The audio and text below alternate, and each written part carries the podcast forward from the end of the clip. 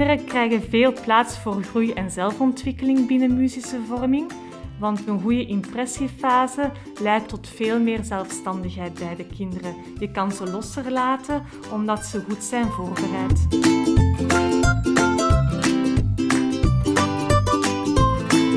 Welkom bij Urban Education, de podcast van het Onderwijscentrum Brussel. Ik ben Sarah Geets en vandaag gaan we het hebben over het vak muzische vorming in de lagere school, kortweg MUVO. Het is een thema waar ik zelf niet zoveel van weet, maar dat is geen probleem, want zoals altijd hebben we twee mensen gevonden die ons alles gaan vertellen. En vandaag zijn dat onze collega Katrien en juf Virginie. Welkom. Voor jullie, de luisteraars, gaan we proberen om de kunstwerken waar we het in deze podcast over hebben, altijd heel goed te beschrijven, zodat jullie echt een concreet beeld hebben waar we het over gaan hebben.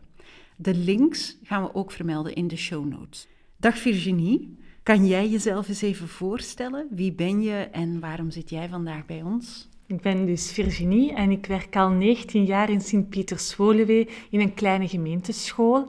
Ik heb al 13 jaar in het derde gestaan en nu sta ik zes jaar al in het vierde leerjaar. Ik ben altijd in Brussel eh, naar school geweest, gewoond en gewerkt, maar recent ben ik verhuisd naar Kampenhout. Fijn dat jij er bent. We zijn heel benieuwd naar jouw verhalen. Katrien, jij werkt achter de schermen al een hele tijd mee aan deze podcast, hè? Maar vandaag hebben we jou gevraagd aan de andere kant van de micro. Kan jij jezelf ook eens even voorstellen? Wie ben je en wat is jouw connectie met MUVO? Ik eh, startte acht jaar geleden als ondersteuner voor het onderwijscentrum. En mijn eerste opdracht was een opdracht van een traject MUVO. Persoonlijk had ik best wel wat affiniteit daarmee, maar de didactische kant van de zaak was voor mij nog redelijk onbekend. Ik heb mij daar toen in vastgebeten en dat was een beetje het begin van een zoektocht naar de plaats van muzische vorming binnen klassen in Brussel. En daar heeft ook een vorming uit voortgekomen. Dat was de vorming taal via MUVO. En tot twee jaar geleden boden we die nog aan in het onderwijscentrum. Wat is muzische vorming eigenlijk? Muzische vorming omvat verschillende domeinen en naar gelang het leerplan dat je volgt, hebben we het dan over beeld, dans, muziek en drama. Nu, binnen zo'n activiteit doorloop je verschillende fases. We gaan van impressie naar een expressie. De eerste fase, dat is de impressie. Daarin gaan we waarnemen, gaan we kijken wat we zien, wat we horen, wat we voelen. Daarna gaan we de leerlingen laten experimenteren, exploreren. En meestal komen de kinderen dan tot een eigen expressie. Ze gaan dan zelf iets maken. Doorheen dat hele proces heb je ook beschouwen en reflecteren. Dat is een belangrijk element. Dat het laten binnenkomen van wat je beleeft en daar dan ook woorden aan proberen geven. Het is natuurlijk juist dat proces, het woorden geven aan wat dat je ziet, dat een hele uitdaging is in onze Brusselse klassen, waar dat taal soms een struikelblok is. Kan ik me inbeelden. Virginie, waarom hebben jullie ervoor gekozen om juist hier zo bewust mee bezig te zijn? Wel, vroeger deed iedereen zijn eigen ding met muzische vorming. Hè. Leerkrachten die vertrokken vanuit hun eigen talenten of vanuit hun comfortzone. Bijvoorbeeld, uh, de ene doet graag muziek, dus gaat hij vooral veel liedjes zingen. De andere die doet graag knutselen en tekenen. Maar op een bepaald moment zeiden we dat het zo niet verder meer kon. Dat we er eens goed over moesten gaan nadenken. En daarom zijn we naar OCB gestapt om ondersteuning te vragen. En dan hebben we eerst en vooral een leerlijn uitgewerkt bij ons op de school, zodat er een verticale samenhang is, zodat we ook verder kunnen bouwen op elkaar, zodat elk kind stapjes kan nemen om zijn muzisch groeiproces verder te zetten, maar ook zodat we een brede waaier kunnen aanbieden aan de kinderen van kunstenaars, zodat ze niet elk jaar opnieuw Picasso, Mondriaan, Dali of Van Gogh moeten zien. Hè. En we zijn ook gaan kijken hoe we muzische vorming kunnen aanbieden binnen de andere domeinen van het leerplan. Dus dat het niet eigenlijk een vakje apart is binnen de week, maar dat eigenlijk alle puzzelstukjes binnen één thema worden samengelegd. Kan je daar eens een voorbeeld van geven, heel concreet? Wel, vroeger begon ik met een heel simpele instructie. Kinderen, vandaag gaan we dit knutselen of kinderen, vandaag gaan we dit liedje leren zingen. Maar nu probeer ik de link te leggen bij elk thema dat we aanbieden, zoals nu bij afval bijvoorbeeld. Ik maak dan voor elk thema in de klas een mindmap op het bord waar we van alles insteken. Ik probeer er alle domeinen aan te koppelen, zoals bijvoorbeeld een krantenartikel, wiskunde, ook wat taal, bij de onderdelen van muzische vorming die erbij dan komen. En ik gebruik hier niet geen methode voor, want zo ga ik niet graag te werk. Ik maak het liever zelf. En dat is dan ook gemakkelijker voor mij om al die linken te leggen binnen het WO-thema en al die andere domeinen eraan te koppelen. En dan kies ik ook voor een bepaalde kunstenaar die bij dat thema past. Ik volg zo'n beetje mijn eigen smaak, maar ik denk ook aan wat de leerlingen zal aanstaan en wat het beste past bij dat thema. Zo heb ik onlangs bij het thema afval de kunstenaar Didier Tricliai voorgesteld. Triglia, dat is een hedendaagse Franse artiest die zo heel kleurrijke schilderijen maakt van een soort fantasiemonstertjes. In een heel herkenbare stijl, die blikjes plat duwt, zo cola-blikjes, frisdrankblikjes, en daar dan oogjes en een mondje op schildert. Met vaak zo rijen witte of zwarte puntjes rond. Heel vrolijke, felle kleuren en een heel herkenbare stijl. Hè? Inderdaad. En dan, als de echte les begint van muzische vorming, dan gebeurt dat in drie grote blokken. En Katrien had het daar straks al kort even vermeld. Hè. Eerst nemen we ongeveer 10 minuutjes de tijd voor een impressie en dan gaan we exploreren. Dat is zo het kort verkennen van het materiaal en wat we gaan doen, ook welke nieuwe dingen erbij komen. En dan kunnen we het best ook nieuwe technieken aanreiken en nieuwe materialen uitproberen. En zo heb ik bijvoorbeeld met pastelkrijt gewerkt. Ze hebben dan geleerd hoe ze de kleur moeten uitwrijven met hun vingers. En ook hoe dat je een andere kleur erop kan brengen en weer kan uitwrijven om zo tot een juiste kleur te komen. Of het kan ook zijn dat ze een ontwerp maken van hoe hun creatie eruit gaat zien het is een heel proces dat exploreren. En na het exploreren, dan beginnen we aan de creatieve fase of dat we iets gaan maken. Dan gaat het eigenlijk het doen beginnen.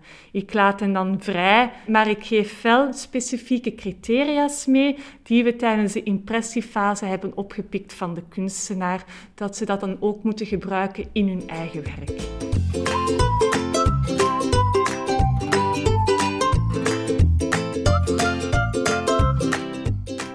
Jullie hebben het al een paar keer over de impressiefase gehad. Wat is dat eigenlijk juist? Kan je daar eens een voorbeeld van geven? Wel, een ander woord voor de impressiefase is de introductie. En het begint eerst en vooral met het kijken. Ik toon een, het kunstwerk van een bepaalde kunstenaar en de leerlingen kijken en geven zo hun eerste indruk.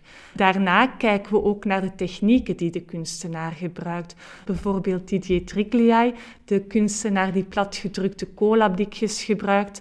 We kijken hoe hij dat heeft gedaan, welke lijnen, welke vormen, welke kleuren erin zitten en hoe hij dat maakt. En zo leggen we ook de link met het 2O-thema, want dan kunnen ze daar ook beter over nadenken. Hè. Ze denken dus na wat de kunstenaar duidelijk wilt maken over dat WO-thema, welke boodschap hij wilt meegeven. En op basis daarvan kunnen we dan in gesprek gaan met de kinderen. En het is wel heel effectief, want de kinderen gaan daardoor meer getriggerd worden en gaan ook hun eigen gedrag in vraag stellen. Misschien willen ze dan bewijzen dat ze hun gedrag kunnen veranderen. We denken ook na of kunst of een kunstwerk of een kunstenaar hun motieven kan veranderen. We leren ze meer dan alleen maar kijken met hun ogen, want we willen via kunst de gevoelens van de leerlingen losmaken. Zo zorgde de foto van een schildpad met een rietje in zijn neus heel veel emoties bij de kinderen, want de leerlingen vonden het heel aangrijpend dat ze dat zagen. En misschien kunnen de leerlingen nu wel hun eigen gedrag veranderen, en zelf misschien die van hun ouders, om zo wat minder afval te kopen of meer bewust omgaan met afval. En daardoor is een goede impressiefase heel belangrijk, hè? want het geeft vleugels om de les verder te zetten. Ja, inderdaad. Ik hoor hier twee verschillende dingen in jouw verhaal. Wat ik heel sterk vind, is dat je dat koppelt met andere leergebieden. Dus muzische vorming wordt gekoppeld met WO, waardoor dat je aan meerdere doelen tegelijk gaat werken, waardoor dat je een, een heel betekenisvol geheel krijgt en misschien ook leerlingen beter kan motiveren. En anderzijds is het ook een heel mooi voorbeeld van hoe dat je verschillende brillen opzet tijdens het impressiegesprek. Wat is hun eerste indruk? Wat zien ze? Wat horen ze precies? Je pendelt echt tussen wat ze zien en wat dat zij ervan maken. Wat betekent het volgens jou? Wat is de context waarin dat het werd gemaakt? En dan uiteindelijk, wat vind je er nu van? Je maakt dus tijd om te praten erover en je geeft hen dus ook inspiratie voor de volgende fase van zelf iets te gaan creëren. Zo'n krachtige impressie heeft inderdaad een heel groot effect op wat er nog volgt in jouw activiteit. Lukt dat altijd? Wel, het is niet altijd zo gemakkelijk. Hè? In het begin van het jaar moet je echt heel veel vragen stellen om de leerlingen los te krijgen. Ze moeten echt leren om daarover te praten. En welke vragen stel je dan? Zijn er vragen die beter werken dan andere? Probeer vooral open vragen te stellen, want dat werkt wel. En u probeer ook door te vragen. Niet alleen de klassieke waarom-vragen, maar echt daarop verder in te gaan. In het begin hoor je heel veel leuk, mooi, maar we willen echt wel de woordenschat en hun gevoelens verder laten lijken dan dat. Hè. En daarom is het belangrijk dat ze hun gevoelens naar boven proberen te brengen en welk verhaal dat de kunstenaar wilt meegeven aan hen. En je moet als leerkracht ook wel heel attent zijn, want wat dat de kinderen zeggen, daar wil ik op inspelen, zodat de hele klas uiteindelijk betrokken is in het gesprek. Ja, je trekt het gesprek open naar de hele klas. Dat is ook wat je doet door die verschillende brillen op te zetten. Je gaat breder kijken vooraleer dat je tot een echt waardeoordeel komt. dus ik vind het mooi, ik vind het lelijk. Dat mag zeker een onderdeel zijn van een muzische activiteit, van een gesprek ook binnen muzische vorming. Maar dat is niet de eerste stap. Je gaat eerst breed kijken en onderzoeken en dan pas daarna ontdekken wat je er echt van vindt. Dus na de impressiefase, dan gaan de leerlingen zelf aan de slag. Inderdaad, maar voor ze echt aan de slag gaan, is het eerst nog tijd om te experimenteren. Bijvoorbeeld tijdens de herfst hebben we de levensboom van Gustav Klimt besproken. Dat is blijkbaar een prachtig werk. Moet ergens in Brussel, in Woluwe, hangen. Een werk in panelen voor een eetkamer. Aan de linkerkant hangt er zo een heel groot schilderij aan de muur van een vrouw in een lang kleed met veel goud en mozaïek en daarnaast een boom met heel veel krullen en een kleine rozenstruik. En dan daar tegenover aan de andere kant van de eetkamer hangt er ook een paneel met dezelfde levensboom met veel gouden krullen. En daar staat dan die vrouw in een innige omhelzing met een man. Gustav Klimt, ik dacht eerst aan De Kus, dat is denk ik een van zijn bekendste werken. Hè? Dat is een Oostenrijkse kunstenaar uit de Art Nouveau-periode, die heel bekend is om zo zijn muurschilderingen met veel goud en veel planten en bloemen. Wat doe jij daarmee? Wij focussen ons vooral op de boom, want tijdens de impressie gaan we dan met de kinderen in gesprek van wat valt er je op, welke indruk maakt het, welke vorm heeft de boom, welke kleur en ook wat zou de kunstenaar willen zeggen met dit kunstwerk. En na de impressie gaan we naar het oefenen of het exploreren. En de bedoeling is uiteindelijk dat de leerlingen een kleitegel maken met een boom erop. En op basis van wat we zagen in de impressiefase, gaan de leerlingen oefenen om krullen te maken met klei. Hoe dat ze dat beste doen. Een worstje maken tussen hun handen, dikke worstjes maken, fijne worstjes maken, of werken met een stokje of met hun vingers.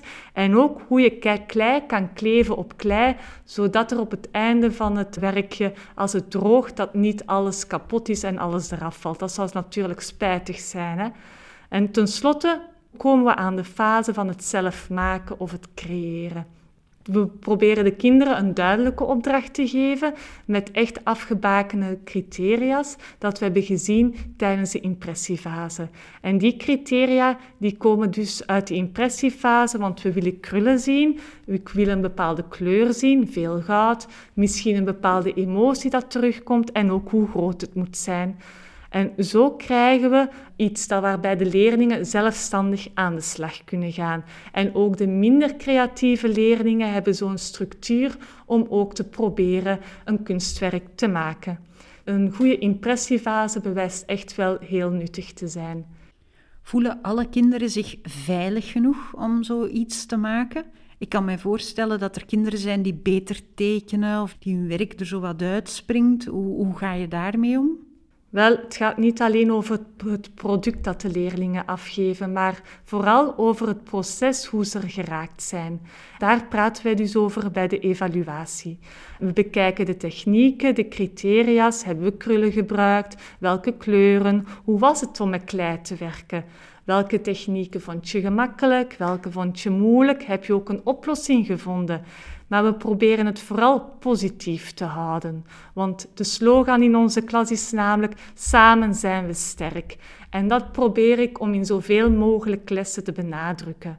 En een voorbeeldje daarvan is dat het liedje dat de leerlingen moesten leren van Kinderen voor Kinderen, Een gezonde planeet. Ze werkten daarbij in duo's om een poster te maken om het liedje van buiten te leren. En kinderen mochten dus kiezen. Eén iemand maakte de tekening en iemand anders haalde de sleutelwoorden uit de tekst. En dat gebruikten ze samen bij de poster als geheugensteentje om het liedje te leren. En zo werken kinderen die vooral taal denken samen met beelddenken en zo werk je automatisch ook aan doelen van taal. Dus ze werken samen aan dit project. En sommige kinderen hebben misschien weinig zin om te zingen, maar doordat ze dat combineren met de poster en het tekenen, is die drempel minder groot. Eén iemand begint te zingen in het groepje en na een tijdje begint de andere ook te zingen. En zo durven alle kinderen na een tijdje spontaan mee te zingen. Onderweg sta ik wel af en toe stil bij de reflectie. Wat gaat er goed? Wat gaat er minder goed bij het tekenen of bij het verwoorden?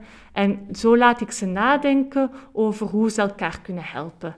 En dat zorgt voor heel wat succeservaring wat kinderen nodig hebben. Hè. Wat doet dat met de groepsfeer? Als je het positieve benadrukt, helpt dat om de negatieve klasfeer een beetje weg te drijven. En door de focus te leggen op het kunstwerk, vermindert dat de onderliggende aversie. Hè. Dat verdwijnt dan op de achtergrond. En daardoor voelen de kinderen zich goed en hebben ze minder nood om de mening van de anderen te bestrijden. Ja, dat klopt. Hè. Je stimuleert hun gespreksvaardigheden. Binnen die impressiefase over kunst is er heel veel gelegenheid. Is een veilige plek om te leren omgaan met andere meningen. En hoe meer dat je dat als leerkracht ook probeert, hoe gemakkelijker dat, dat wordt voor de leerlingen om dat over te nemen. Dat is een vaardigheid, denk ik, die veel oefening nodig heeft. En MUVO leent zich daar heel goed toe om daarop te oefenen. Ik vind dat een belangrijke meerwaarde van het vak. Inderdaad. En dat is ook omdat we niet alleen de focus leggen op het evalueren, op het eindresultaat, maar ook op het proces. Want zo geeft dat ook een andere toon aan het gesprek. Want dan stellen we vragen: hoe is het voor jou gegaan? Wat maakt het moeilijk? Wat maakt het gemakkelijk? Wat heeft jou geholpen? En dat is echt wel een meerwaarde voor de kinderen. Moeten de leerlingen ook zelf in hun werk een boodschap brengen? Dat is wel leuk als ze dat doen. Maar het is wel aangepast aan hun leeftijd en we willen hen daarin ook niet pushen. Zo hebben we bijvoorbeeld gewerkt rond action painting en hebben we daarvoor de kunstenaar Jackson Pollock gebruikt. Ja, Pollock, dat is die die we kennen van zijn dripping-techniek. De Amerikaanse expressionist, die legde enorm grote doeken op de vloer, vooral buiten dan, want die hadden plaats nodig en hij bewoog daar rond. Hij danste bijna, terwijl hij met zijn verfborstels spatte of drupte. Hij gebruikte ook stokken blijkbaar, en niet alleen verf, maar ook stenen en zand en andere materialen. Waar dat je dan uiteindelijk naar kijkt bij Pollock, dat is bijna een gebeurtenis. Dat is een heel expressionistisch beeld. Ja, en dat toon ik tijdens de impressiefase, zo'n filmpje van Pollock in actie. En daar praten we dan over. En we bekijken ook welke emoties hij in zijn werk heeft gestoken. Want dan staan we stil bij de kleuren die hij heeft gebruikt en de bewegingen, want je ziet daar echt heel veel emotie in. En daarna is het tijd voor het experimenteren. We vragen ons af welke emoties erbij betrokken zijn en daarom laat ik de leerlingen terugdenken aan een periode waarin ze een positief gevoel bij hebben of een negatief gevoel bij hebben. En we linken dat dan ook aan de kleuren die dat we gebruiken. Gebruiken we vrolijke, lichte kleuren of donkere, boze kleuren? En dan moeten we ook nog stilstaan bij de dikte van de verf. Ze proberen te spatten, lijnen te drippen. Ze moeten dunne verf gebruiken, maar ook niet te dun, ook niet te dik. Dus het is echt wel een heel experimenteerproces. En dan is het tijd om naar buiten te gaan, want we gaan creëren. Leerlingen maken hun eigen drupwerk hè, met action painting. En wie wil, die mag achteraf zijn verhaal vertellen om de betekenis van wat hij heeft gemaakt meer duiding te geven. Maar dat moet niet altijd.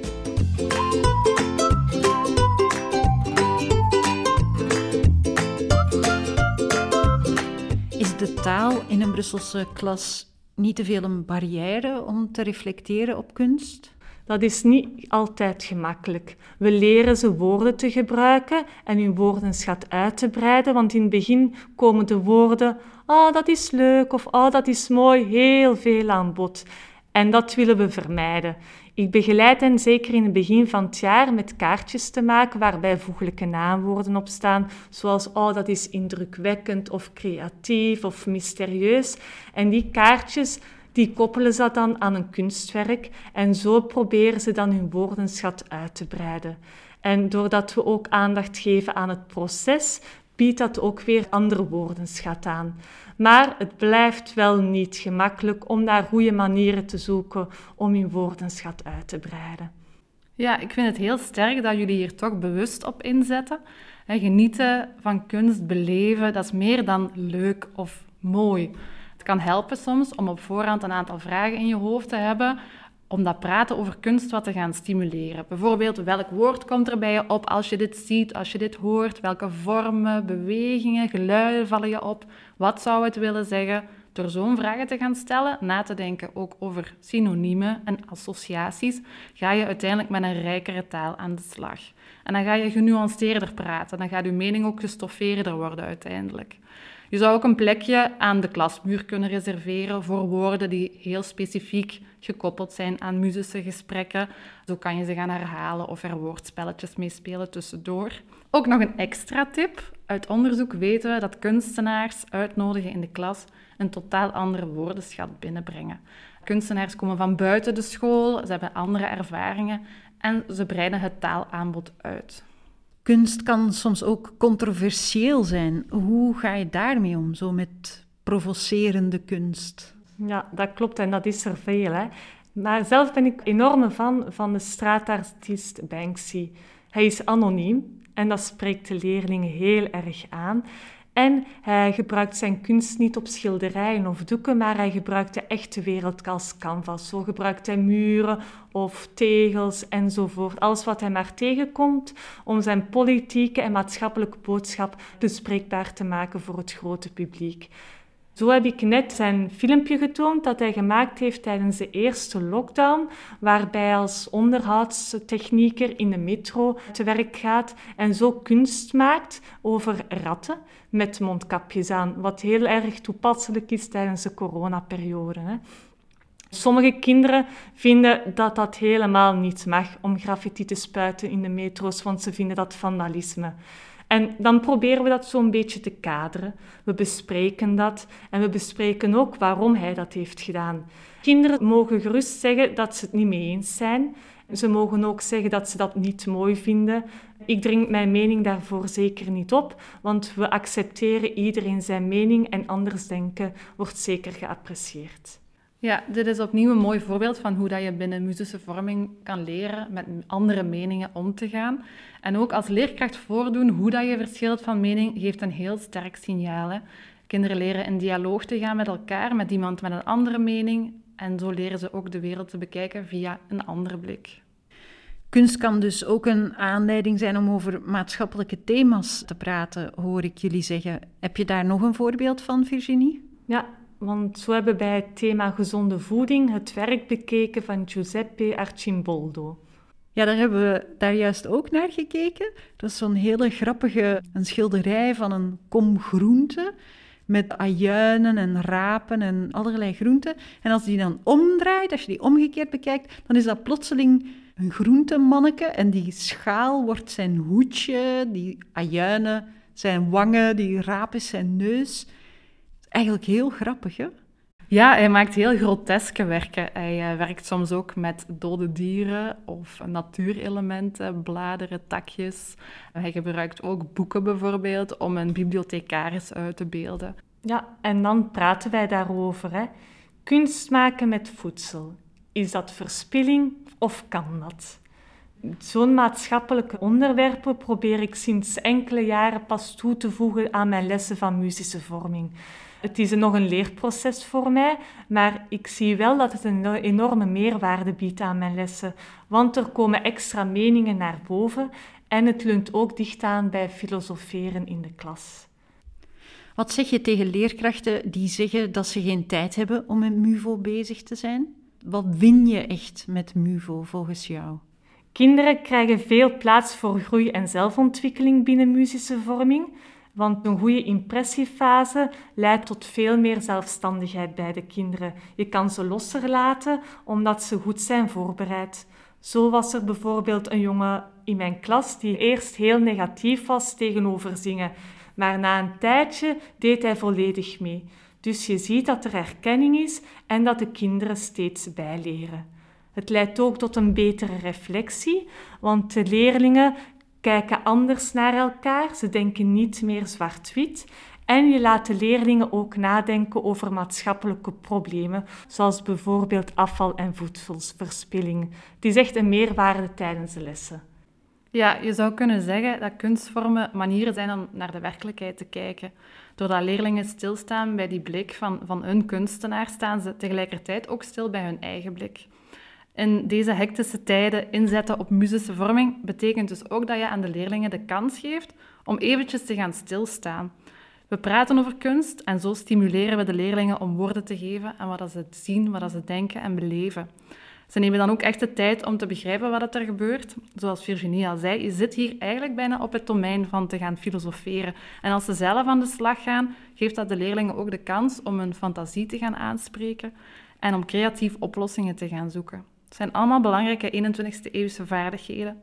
Sommige kinderen ontdekken zo talenten en anderen die leren gewoon dat ze graag iets uiten door iets te gaan maken.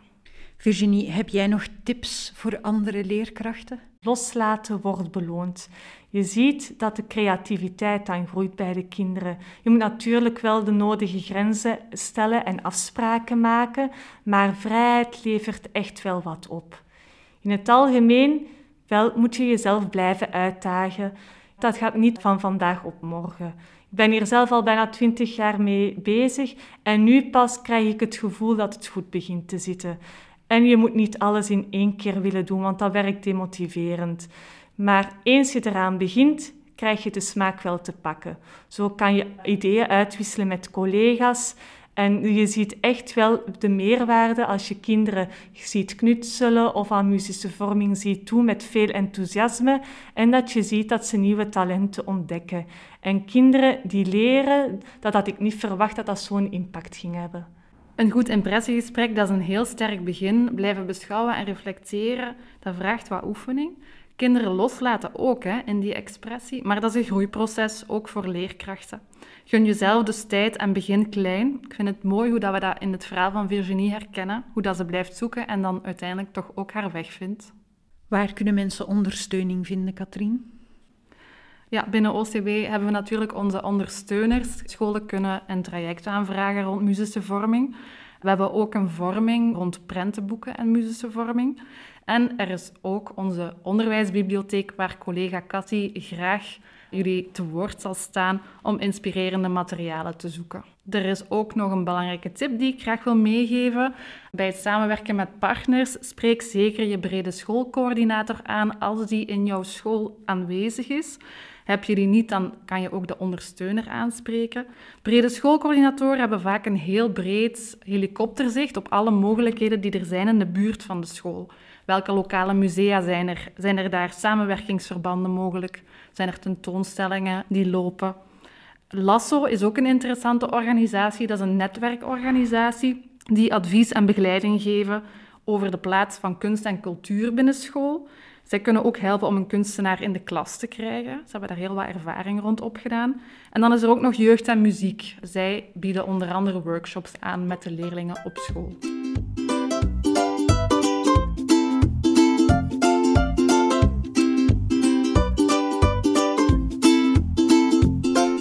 gaan hier afronden. Ik wil jullie graag bedanken voor dit fijne gesprek. Luisteraars die meer willen weten, die kunnen alle links terugvinden in de show notes. Heb jij feedback, vragen of suggesties voor ons? Die mag je zeker opsturen naar onderwijscentrumbrussel.vgc.be. Bedankt voor het luisteren en graag tot een volgende keer.